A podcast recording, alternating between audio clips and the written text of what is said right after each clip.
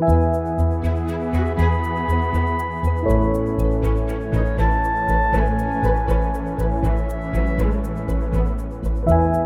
Dzień dobry Państwu, przy mikrofonie Magdalena Łanuszka.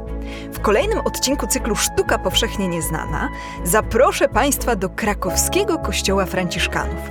Tam bowiem, w ołtarzu kaplicy utworzonej z ramienia krużganków, znajduje się łaskami słynący obraz Matki Boskiej Bolesnej, zwanej smętną dobrodziejką Krakowa. Wizerunek ten otoczony był kultem i doczekał się kilku powtórzeń oraz swobodnych kopii, wykonanych głównie w czasach nowożytnych. Jest to późnogotyckie dzieło bardzo wysokiej klasy artystycznej, namalowane zapewne w pierwszych latach XVI wieku przez twórcę, który najprawdopodobniej zetknął się w swych wędrówkach czeladniczych z malarstwem niderlandzkim. A jednak dokładny czas powstania tego słynnego obrazu, a także jego autorstwo, wciąż pozostają zagadką. Zapraszam do słuchania.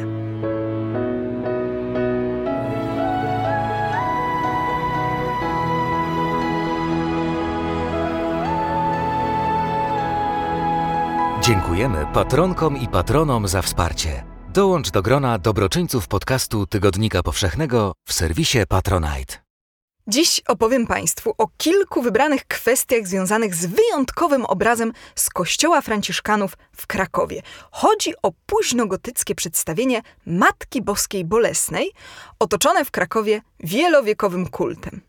No i niestety powiem Państwu, że czasami kult obrazu szkodzi w kwestii naukowej, ponieważ wokół cudownych obrazów narastają legendy i one czasami wpływają także na zakłamania w takiej na przykład kwestii jak datowanie obrazu. Najczęściej jest tak, że w wyniku tych religijnych przekazów zaczyna się powszechnie przyjmować, że dane dzieło jest starsze niż wskazuje na to analiza naukowa. Najlepszym przykładem może tu być późnośredniowieczna wszakże Matka Boska Częstochowska, którą wedle legend miał namalować sam święty Łukasz Ewangelista. No, oczywiście to skrajny przypadek. Najczęściej jednak błąd polega na tym, że mieszane są przekazy na temat kultu jakiegoś typu wizerunku, który mógł być wcześniejszy w danym miejscu, z datowaniem dzieła, które obecnie się tam znajduje. Miało to też miejsce w przypadku Matki Boskiej Bolesnej z kościoła Franciszkanów w Krakowie. Najwcześniejsze publikacje z początków XX wieku podawały, że to obraz z pierwszej połowy wieku XV, a to nieprawda. To dzieło powstało w początkach kolejnego stulecia. Obraz ukazuje Matkę Boską Bolesną. To jest specyficzny typ przedstawienia, który stał się bardzo popularny w późnym średniowieczu.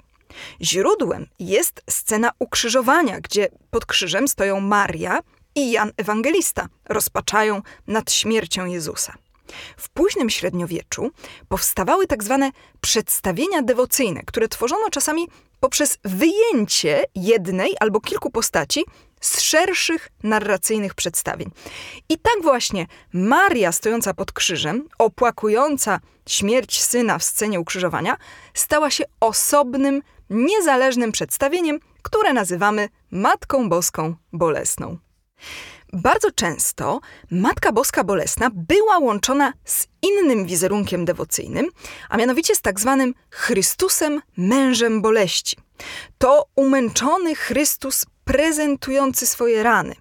Przedstawienia dewocyjne spopularyzowało, zwłaszcza w XV wieku, szerzenie się ruchu zwanego devocio moderna, czyli nowa pobożność.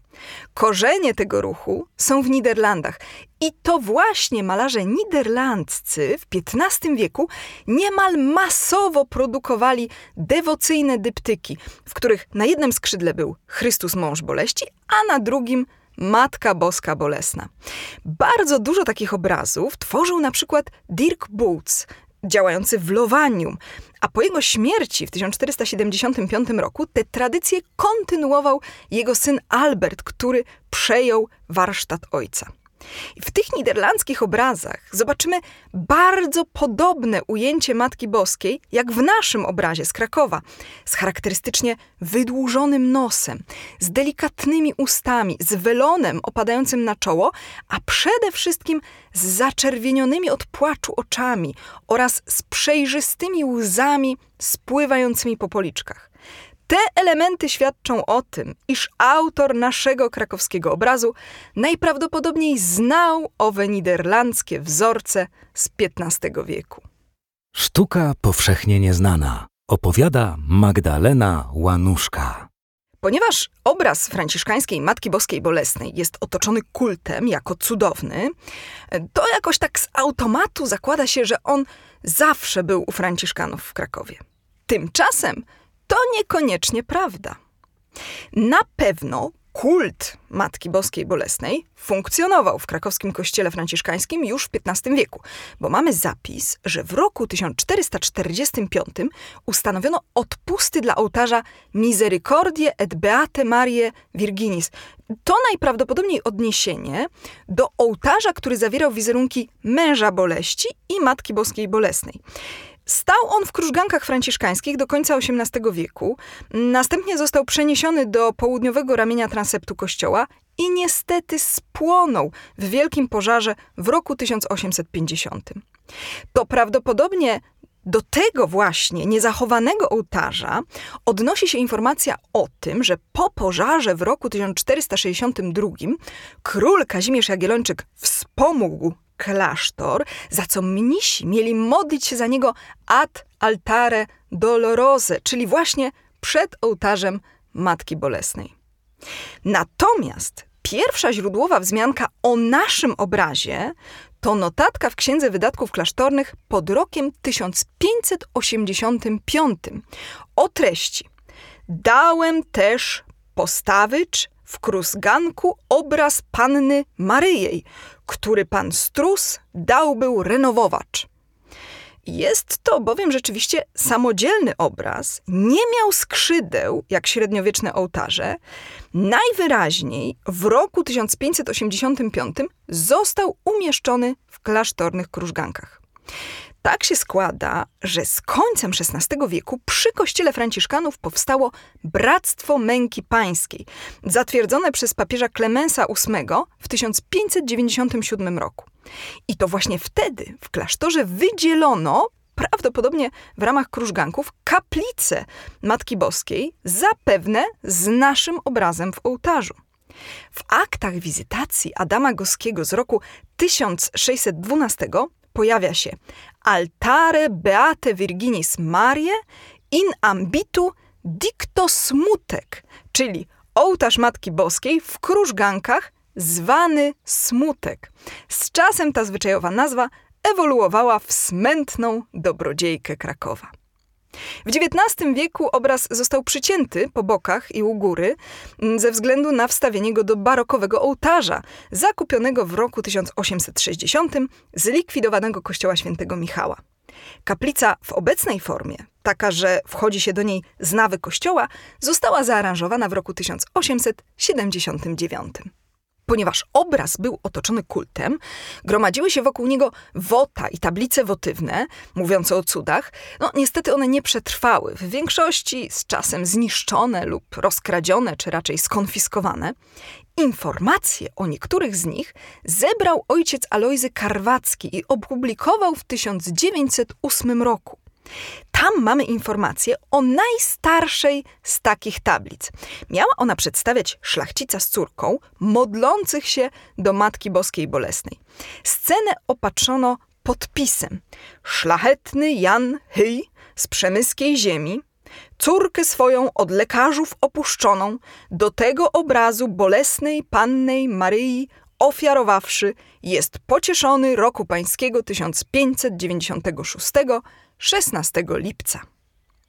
Kolejne tablice były już z XVII wieku, podobnie jak druki dewocyjne, a w podkrakowskich staniątkach w kościele sióstr benedyktynek znajduje się kopia franciszkańskiego obrazu wykonana około roku 1600. Analiza stylistyczna krakowskiej Matki Boskiej Bolesnej nie pozostawia wątpliwości, że dzieło to powstało w początkach XVI wieku. Jest to bardzo wysokiej klasy obraz późnogotycki o wyraźnych wpływach XV-wiecznego malarstwa niderlandzkiego. No to teraz zadajmy sobie pytanie. Dlaczego jakiekolwiek wzmianki o tym obrazie u Franciszkanów oraz świadectwa jego kultu są dopiero z ostatniej ćwierci XVI wieku? Tak naprawdę kluczowa jest ta pierwsza wzmianka z 1585 roku. Dałem też postawić w krużganku obraz panny Maryjej, który pan Strus dał był renowować.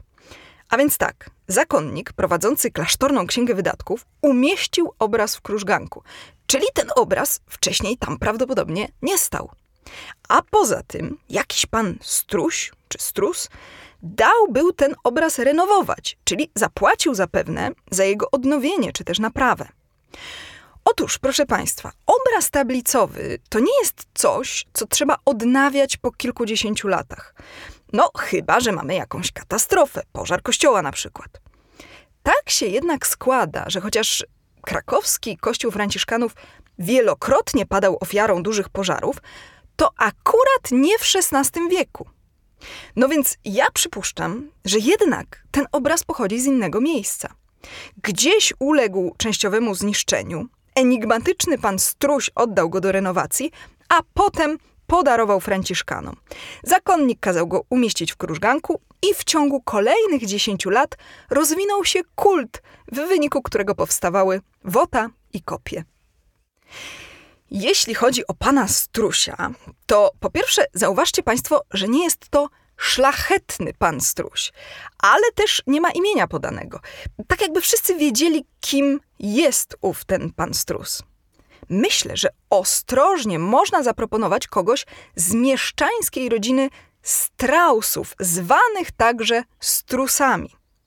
Otóż Stanisław Strauss był krakowskim ławnikiem miejskim w latach 1539 i 1541 do 42. Ławnikiem Sądu Najwyższego Prawa Magdeburskiego w Zamku Krakowskim w latach 1542-43. Rajcą w okresie od roku 1543 do 1546. Lonerem, czyli zarządzającym miejskimi finansami w latach 1554 do 55, a zmarł w 1556. Jego synem był Erasm, także rajca, który nabył wioskę Kamyszów koło Skalbmierza.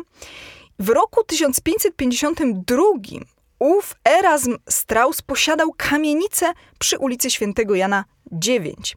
W roku 1582 kamienica ta należała już do wdowy po nim oraz do jego dzieci, między innymi Erasma Straussa młodszego. I myślę, że jeśli to jest właściwy trop, to nasz pan Strus to może być właśnie ów Erasm młodszy. No, niestety, na razie nie mam pomysłu na to, skąd ewentualnie pan Strus mógłby ten obraz pozyskać, ale instynktownie poszukiwałabym na południu, być może nawet na Węgrzech. Rzecz w tym, że nasz obraz z Kościoła Franciszkanów w Krakowie jest bardzo wysokiej klasy artystycznej, ale zarazem nie jest łatwo powiązać go bez wątpliwości z innymi małopolskimi dziełami. Szerszą analizę w tej kwestii przeprowadziła Krystyna Witek i w jej artykule, wydanym dwa lata temu w zbiorze studiów Sztuka w kręgu krakowskich Franciszkanów i Klarysek, zebrane są dzieła stylistycznie bardzo zbliżone do naszej Matki Boskiej Bolesnej. Przede wszystkim jest to obraz Matki Boskiej w kościele parafialnym w Wietrznie koło Dukli na Podkarpaciu, z którym z kolei można powiązać przedstawienia świętych na skrzydłach tryptyku w kościele parafialnym w Sromowcach Niżnych e, w Pieninach oraz obraz przedstawiający świętego Leonarda w kościele w Mircu. No to jest akurat już co prawda świętokrzyskie. I co ciekawe, lokalna tradycja w Wietrznie mówi, że tamtejszy obraz miał pochodzić z Koszyc, czyli miasta na terenie Królestwa Węgier, dzisiaj zaś na Słowacji. Krystyna Witek przywołała także inne dzieło z Muzeum Sztuk Pięknych w Budapeszcie, a mianowicie obraz pochodzący z ołtarza z powiatu preszowskiego, a zatem nieco na północ od Koszyc, zawierający przedstawienia świętych Marii Magdaleny, Anny i Elżbiety Węgierskiej. Ja muszę Państwu powiedzieć, że jak oglądałam w Budapeszcie ten właśnie ołtarz, to od razu mi się rzuciło w oczy, że postacie Anny i Elżbiety, ich twarze, ich nosy, usta, ale także dłonie, bardzo przypominają naszą smętną dobrodziejkę. Sądzę, iż jest prawdopodobne, że pochodzenia naszego obrazu można by ostrożnie poszukiwać na terenie górnych Węgier. Dzieło tak wysokiej klasy mogło pochodzić z samych Koszyc. I tak się składa, że prawie 30 lat przed tym, jak obraz po raz pierwszy jest wzmiankowany u krakowskich Franciszkanów, wspaniałe i bogate miasto Koszyce padło ofiarą strasznego pożaru 13 kwietnia 1556 roku. Spłonęły wówczas liczne kościoły i klasztory, między innymi koszycka siedziba Franciszkanów. Zapewne to, co udało się uratować, było chętnie sprzedawane, no bo potrzebne były pieniądze na odbudowę po katastrofie. To oczywiście tylko spekulacje, ale sądzę, że warto taką ewentualność wziąć pod uwagę.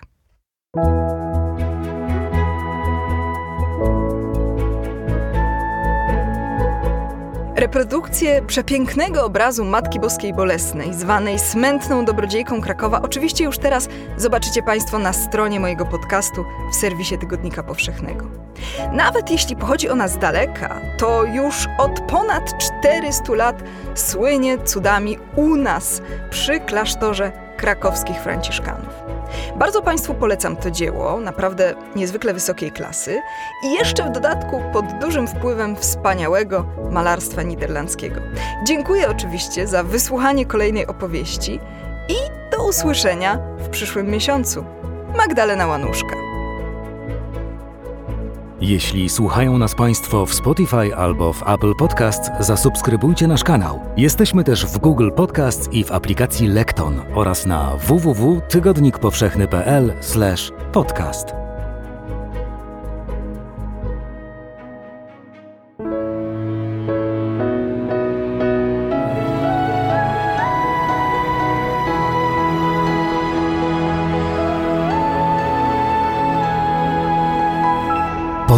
powszechny. Weź, słuchaj.